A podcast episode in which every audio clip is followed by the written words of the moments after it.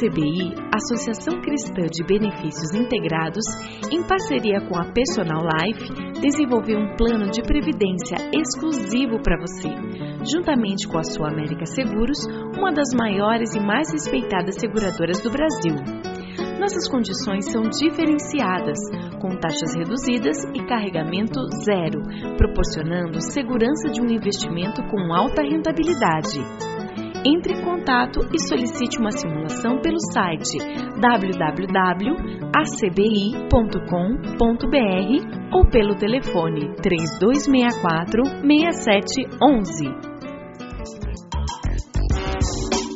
Atenção, você que tem um veículo financiado. Você não aguenta mais os juros abusivos na parcela do seu carro ou caminhão? Com a Defesa Consultoria, você pode reduzir sua parcela. A Defesa Consultoria é uma empresa cristã e trabalha com transparência para ajudá-lo a reduzir suas parcelas. Portanto, não perca mais dinheiro.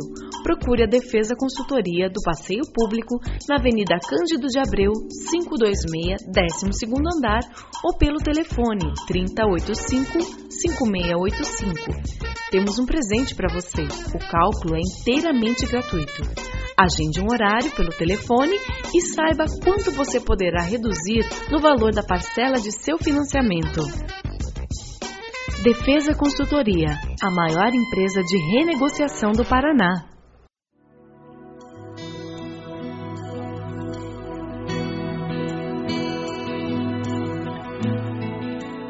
Começa agora mais um Sementes do Amor de Deus, um programa da Igreja Batista do Bacaxeri, em Curitiba.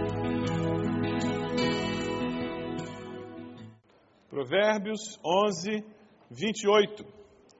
Quem confia em suas riquezas certamente cairá, mas os justos florescerão como a folhagem verdejante. Numa outra versão que é citada aí, e essa é uma das características desse livro, ele usa várias versões, uma vida dedicada às coisas materiais é morta, um tronco cortado, uma vida moldada por Deus é uma árvore florescente. Lá em Jeremias 17 também você encontra uma referência bíblica que fala sobre estar sempre verde. Mas bendito é o homem cuja confiança está no Senhor, cuja confiança nele está. Ele será como uma árvore plantada junto às águas e que estende as suas raízes para o ribeiro. Ele não temerá quando chegar o calor, porque as suas folhas estão sempre verdes. Não ficará ansiosa no ano da seca, nem deixará de dar fruto. Você pode se considerar como uma árvore que dá fruto? Suas folhas estão verdes? O segredo para você viver com uma vida que de fato reflete a presença de Deus, o, como o Salmo primeiro fala, a raiz vai até o ribeiro e se nutre. O segredo é você saber por que, que você está vivo. Se você quiser saber por que você foi colocado nesse planeta, você precisa começar com Deus. E essa é uma grande falha que o ser humano comete. Ele concentra nele mesmo. Ele acha que a questão é ele. E eu queria dizer que a questão não é você. Não, não, você não é o centro do universo. Essa é a postura infantil que aquele bebê tem, aquela criança de dois anos, quatro anos tem, mas supostamente, quando você passa da adolescência, você começa a descobrir que o mundo não gira em torno do seu umbigo. A questão não é você. O propósito da sua vida é muito maior que a sua realização pessoal, sua paz de espírito ou mesmo a sua felicidade. A questão não é você de novo. O propósito da sua vida é muito maior do que família, carreira ou os sonhos mais ambiciosos que você tenha. Deus tem um propósito maior para a sua vida. O propósito da vida é maior do que você ser uma pessoa bem-sucedida. Lá em Colossenses 1, 15 e 17, nós encontramos um texto bíblico que nos faz referência a isso pois nele foram criadas todas as coisas nos céus e na terra, as visíveis e as invisíveis, todas as coisas foram criadas por ele e para ele. Numa outra versão que é citada no livro, pois tudo, absolutamente tudo nos céus e na terra, visível e invisível, todas as coisas começaram nele e nele encontram o seu propósito. A próxima frase é muito importante. Um ateu escreveu isso. A menos que se admita a existência de Deus, a questão que se refere ao propósito para a vida não tem sentido. A existência humana sem Deus não faz sentido. Deus nos criou com um propósito. Deus nos criou, você nasceu de acordo com os propósitos dele e para cumprir os propósitos dele. É para isso que nós existimos. Salmo 139. Esse salmo você tem que ter ele marcado na tua Bíblia, rabiscado. Aqueles dias que você está com o sentimento de que você é, mais, é menorzinho do que rodapé, é o dia de pegar esse salmo e ler. Aquele dia que você está deprê, achando que ninguém me ama, ninguém me quer, vou me atirar lá dentro do bueiro, porque do prédio é muito alto, eu não mereço tanta altura. Naqueles dias, abre o Salmo 139 e lê o Salmo 139. Nós só vamos ler alguns versículos, 14 e 16. Eu te louvo porque me fizeste de modo especial e admirável. Tuas obras são maravilhosas, eu digo isso com convicção você diz isso e afirma isso com convicção, que Deus fez você de uma forma incrível. Meus ossos não estavam escondidos de ti quando em secreto fui formado e entretecido como nas profundezas da terra. Deus nos fez e Ele nos conhece. Aquela criança está sendo gerada e Deus já sabe quem é. E mais, e Deus vai além. Veja lá o versículo 16: Os teus olhos viram o meu embrião, todos os dias determinados para mim foram escritos no teu livro antes de qualquer deles existir. Deus é presciente da vida humana. Então ele sabia que você viria existir. Quando eu entendo que Deus me criou, a minha vida tem valor eu começo a ver a vida e tomar decisões com outra fonte de referência. Vamos continuar lá. A vida de todas as criaturas, a vida de todas as criaturas está na mão de Deus.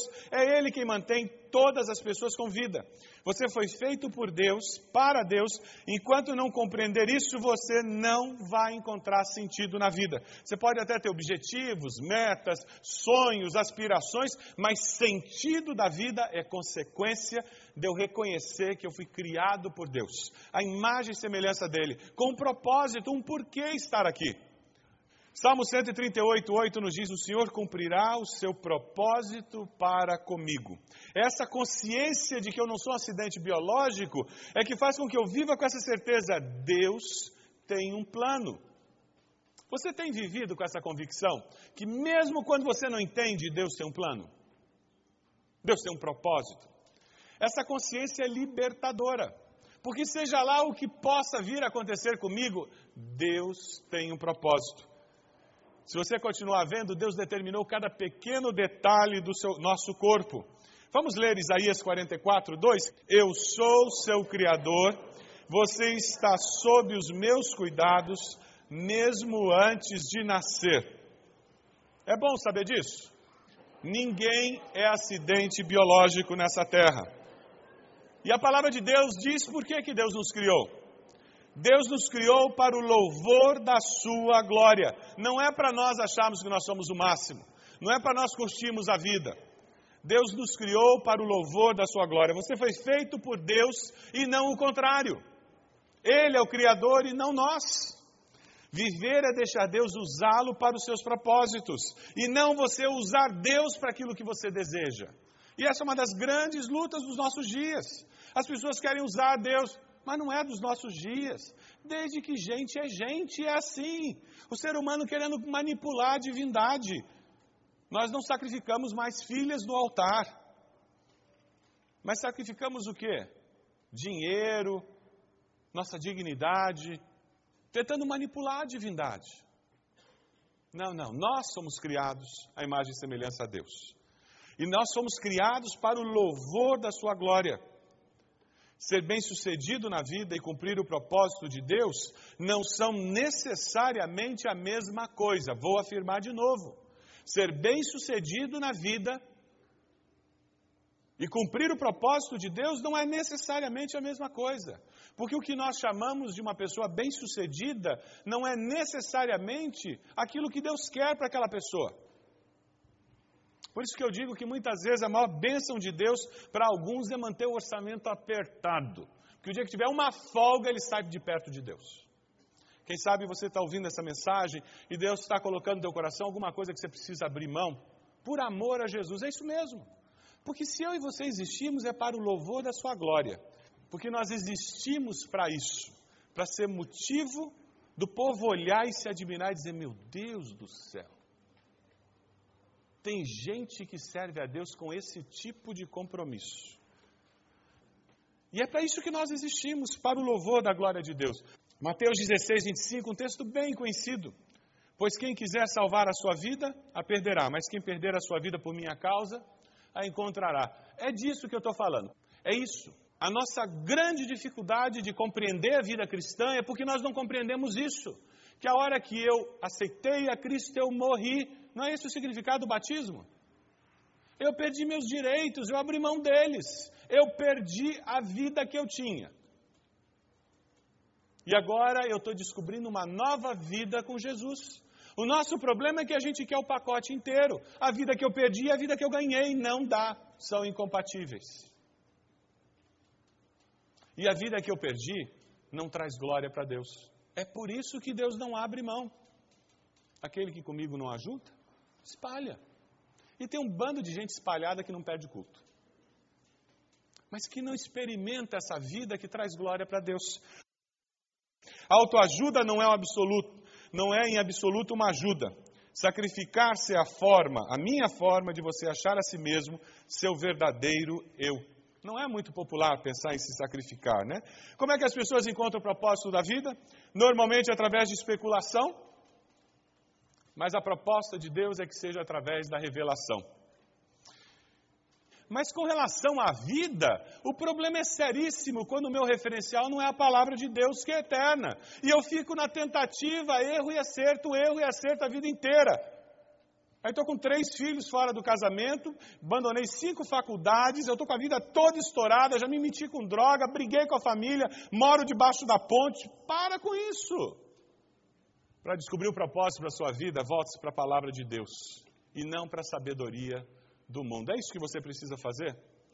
Retornar para a palavra de Deus, compromisso com Deus. A gente continuando ali, é muito importante ter em mente que o projeto de Deus é eterno. Conforme o plano daquele que faz todas as coisas segundo o propósito da sua vontade, a fim de que nós sejamos o quê? Para o louvor da sua glória. Você tem vivido com essa consciência de que se você respira, é para o louvor da sua glória. Não existe outra razão para você abrir os olhos de manhã e dizer mais um dia, se não for para viver buscando a glória de Deus, na excelência do que eu faço, no trato com as outras pessoas, no que eu faço e deixo de fazer, no que eu digo e deixo de dizer, em como eu uso as minhas horas, em o que eu priorizo na minha vida, tudo porque eu quero viver para o louvor da Sua glória.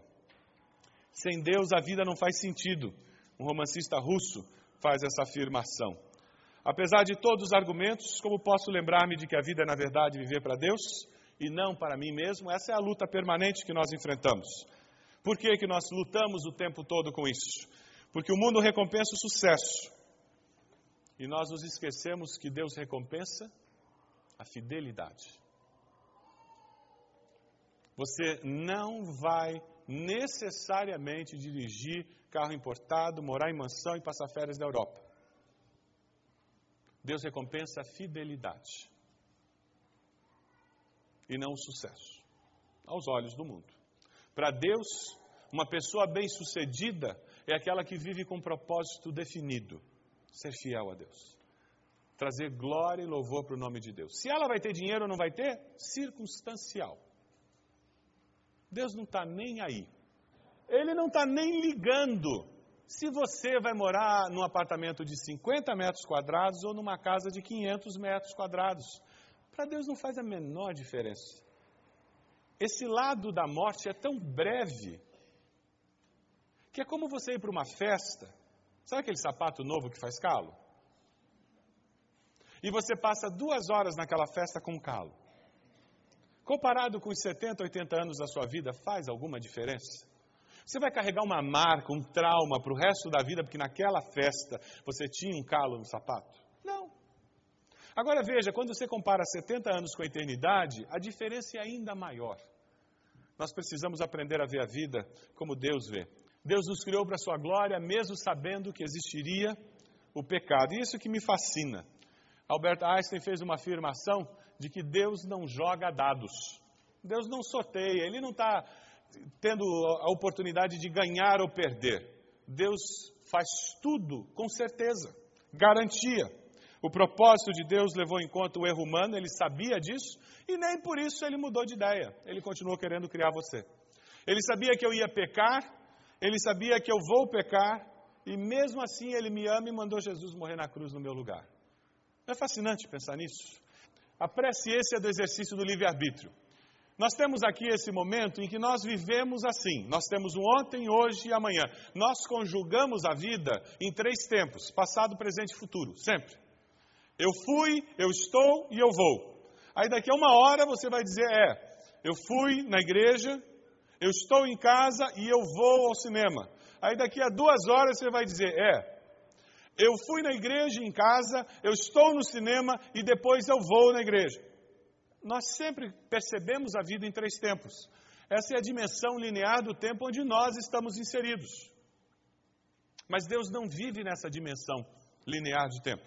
Deus vive no eterno hoje. Deus não conhece ontem, hoje e amanhã. Ele vive no hoje. Por isso que, do, que dois mil anos são dois dias. A palavra nos diz que mil anos para Deus são como um dia, e um dia como mil anos. Ele não está preso a essa consciência. É por isso que Jesus disse há dois mil anos atrás: Hoje mesmo estarás no paraíso, para o ladrão ao lado dele. E o ladrão foi, por eterno hoje. E daí as Escrituras dizem que naquele dia todos ressuscitarão e haverá o julgamento final, para depois a gente entrar no céu. Mas isso ainda não aconteceu. Por quê? Porque dois mil anos atrás e mais cem anos é tudo hoje. Quando nós saímos dessa dimensão, dessa elipse, e entramos no eterno hoje, que é a dimensão eterna do tempo, não existe ontem nem amanhã, é tudo hoje, agora. Quem estudou em colégio luterano, quem teve influência de teologia luterana, precisa resolver um problema bíblico. Ninguém fica dormindo esperando o julgamento final, não. Teologia luterana diz que você morre e fica dormindo, enterradinho, esperando o julgamento final. Isso é uma teologia elaborada dentro da perspectiva de tempo linear, ontem, hoje e amanhã. E não na perspectiva eterna de Deus, de que nós estamos hoje na presença dEle. Porque Deus vive no eterno hoje. Então Ele sabe o que nós vamos decidir e o que poderíamos decidir. Nós não sabemos. Não é destino o destino é Deus traçou e você não pode ir pra, nem para a direita nem para a esquerda. Deus teria alguma coisa preparada e você não tem como decidir, como influenciar. Não, não. Deus é tão sábio e tão grande que Ele sabe as decisões que você poderia tomar, Ele sabe qual vai ser a decisão que você vai tomar, Ele sabe as consequências e Ele já vai tentar de alguma maneira te ajudar a corrigir as consequências ou aproveitar as consequências positivas. Romanos 8, 28. Todas as coisas cooperam para o bem daqueles que amam a Deus. Por quê? Porque Deus sabe. Então Ele está sempre no projeto dele, Ele já viu as decisões e Ele já fez as correções necessárias. Quando você se relaciona com Deus, entendendo que Deus sabe todas as coisas, aí você para de fazer coisa escondida. Você para de viver uma vida fingida. Você não precisa ser mais espiritual do que você é de fato. Tira a máscara. Você tem que ser quem você é, porque Deus sabe tudo. E o tempo todo Ele está trabalhando para você jogar a máscara fora e ser quem você é. E começar a crescer. Porque Ele quer que nós sejamos pessoas melhores. Continuando todas as evidências disponíveis nas ciências biológicas apoiam a teoria básica de que o universo como um todo foi especificamente criado, tendo a vida e a humanidade como principal objetivo e propósito. Isso é um cientista de uma universidade que estava fazendo essa afirmação. É interessante porque ele está dizendo o que Deus já dizia antes. A Bíblia já nos diz isso. A mesma coisa muitos anos atrás. Isaías 45, 18, nós lemos essa referência. É interessante porque se não houvesse um Deus, seríamos o resultado de um fato aleatório no universo. A vida não teria nenhum propósito, significado ou importância. Não haveria certo ou errado. A nossa sociedade perdeu os referenciais porque ela negou a existência de Deus. Ela negou o valor da palavra de Deus. Então é por isso que é melhor eu colocar uma cama de casal na minha casa para o meu filho transar com a namorada em casa do que ele ir para um hotel e ainda arriscar ser, ser atingido por uma bala, ser assaltado, não é mesmo? E não é isso que as pessoas estão falando por aí? Porque faltou Deus, então não tem certo ou errado. É por isso que eu tenho mais é que aproveitar aquela oportunidade de pedir suborno ou dar suborno, porque é aquela história, né? Todo mundo faz, por que, que eu não posso fazer? Não tem certo ou errado. Quando eu vivo para o louvor da glória de Deus, não é se convém ou não convém, se eu vou ganhar ou não vou ganhar, e se todo mundo faz ou se todo mundo não faz. Isso traz glória para Deus? É essa a minha pergunta. E se você pode sair daqui com uma pergunta na mente que resume toda essa mensagem de hoje, eu gostaria que você saísse com essa. Eu vou trazer glória para Deus, fazendo ou não fazendo, indo ou não indo? Essa pergunta pode nortear a nossa vida de uma forma fantástica. Aquela poesia do Russell Keffler é uma poesia muito interessante, eu queria ler para vocês. Você é quem é por uma razão. Você faz parte de um plano complexo você é uma criação original, preciosa e perfeita, denominada como notável homem ou mulher de Deus. Você tem essa aparência por uma razão. Nosso Deus não cometeu nenhum erro, ele o teceu no útero, você é exatamente o que ele quis fazer. Os pais que você teve foram escolhidos por ele, e a despeito de seus sentimentos, eles foram feitos sob medida para os planos que Deus tem em mente e estão aprovados pelo Senhor. Não, aquele trauma que você enfrentou não foi fácil mesmo. E Deus chorou por aquilo ter machucado tanto, mas foi permitido para moldar o seu coração, para que você crescesse a sua imagem. Você é quem é por uma razão. Você vem sendo moldado pela vara do Senhor. Você é quem é, amado, porque há um Deus. É por isso que você é quem é. Porque você existe e para que você existe? São perguntas que têm que ficar na nossa mente. Qual a motivação maior da sua vida? Sexo, poder, fama, dinheiro ou a glória de Deus? Tendo a consciência de que Deus me criou de forma única, que áreas da minha personalidade, formação e aparência física tenho tido dificuldade em aceitar. Você deseja consagrar sua existência a Deus? fazer isso em gratidão por ter lhe dado a vida e por saber que Ele tem um propósito para os seus dias.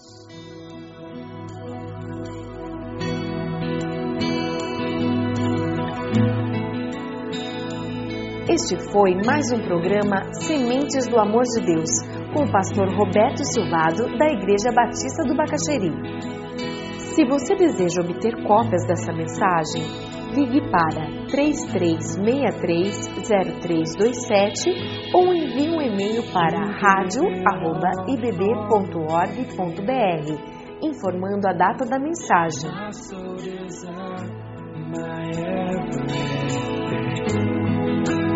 All I am is devoted to you.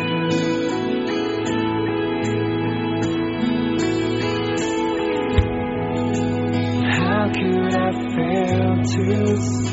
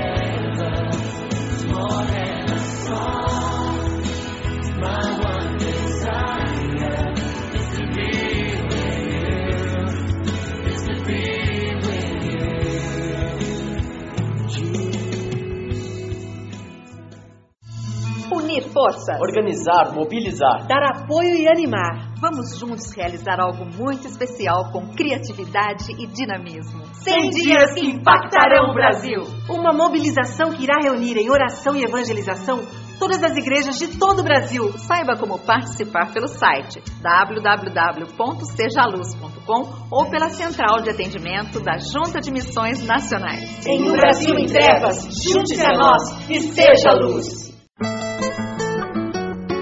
A ACBI, Associação Cristã de Benefícios Integrados, em parceria com a Personal Life, desenvolveu um plano de previdência exclusivo para você, juntamente com a Sua América Seguros, uma das maiores e mais respeitadas seguradoras do Brasil. Nossas condições são diferenciadas, com taxas reduzidas e carregamento zero, proporcionando segurança de um investimento com alta rentabilidade. Entre em contato e solicite uma simulação pelo site www.acbi.com.br ou pelo telefone 3264 6711.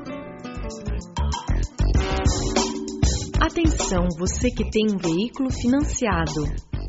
Você não aguenta mais os juros abusivos na parcela do seu carro ou caminhão? Com a Defesa Consultoria, você pode reduzir sua parcela. A Defesa Consultoria é uma empresa cristã e trabalha com transparência para ajudá-lo a reduzir suas parcelas. Portanto, não perca mais dinheiro. Procure a Defesa Consultoria do Passeio Público na Avenida Cândido de Abreu, 526, 12º andar ou pelo telefone 3085 5685. Temos um presente para você. O cálculo é inteiramente gratuito. Agende um horário pelo telefone e saiba quanto você poderá reduzir no valor da parcela de seu financiamento. Defesa Consultoria, a maior empresa de renegociação do Paraná.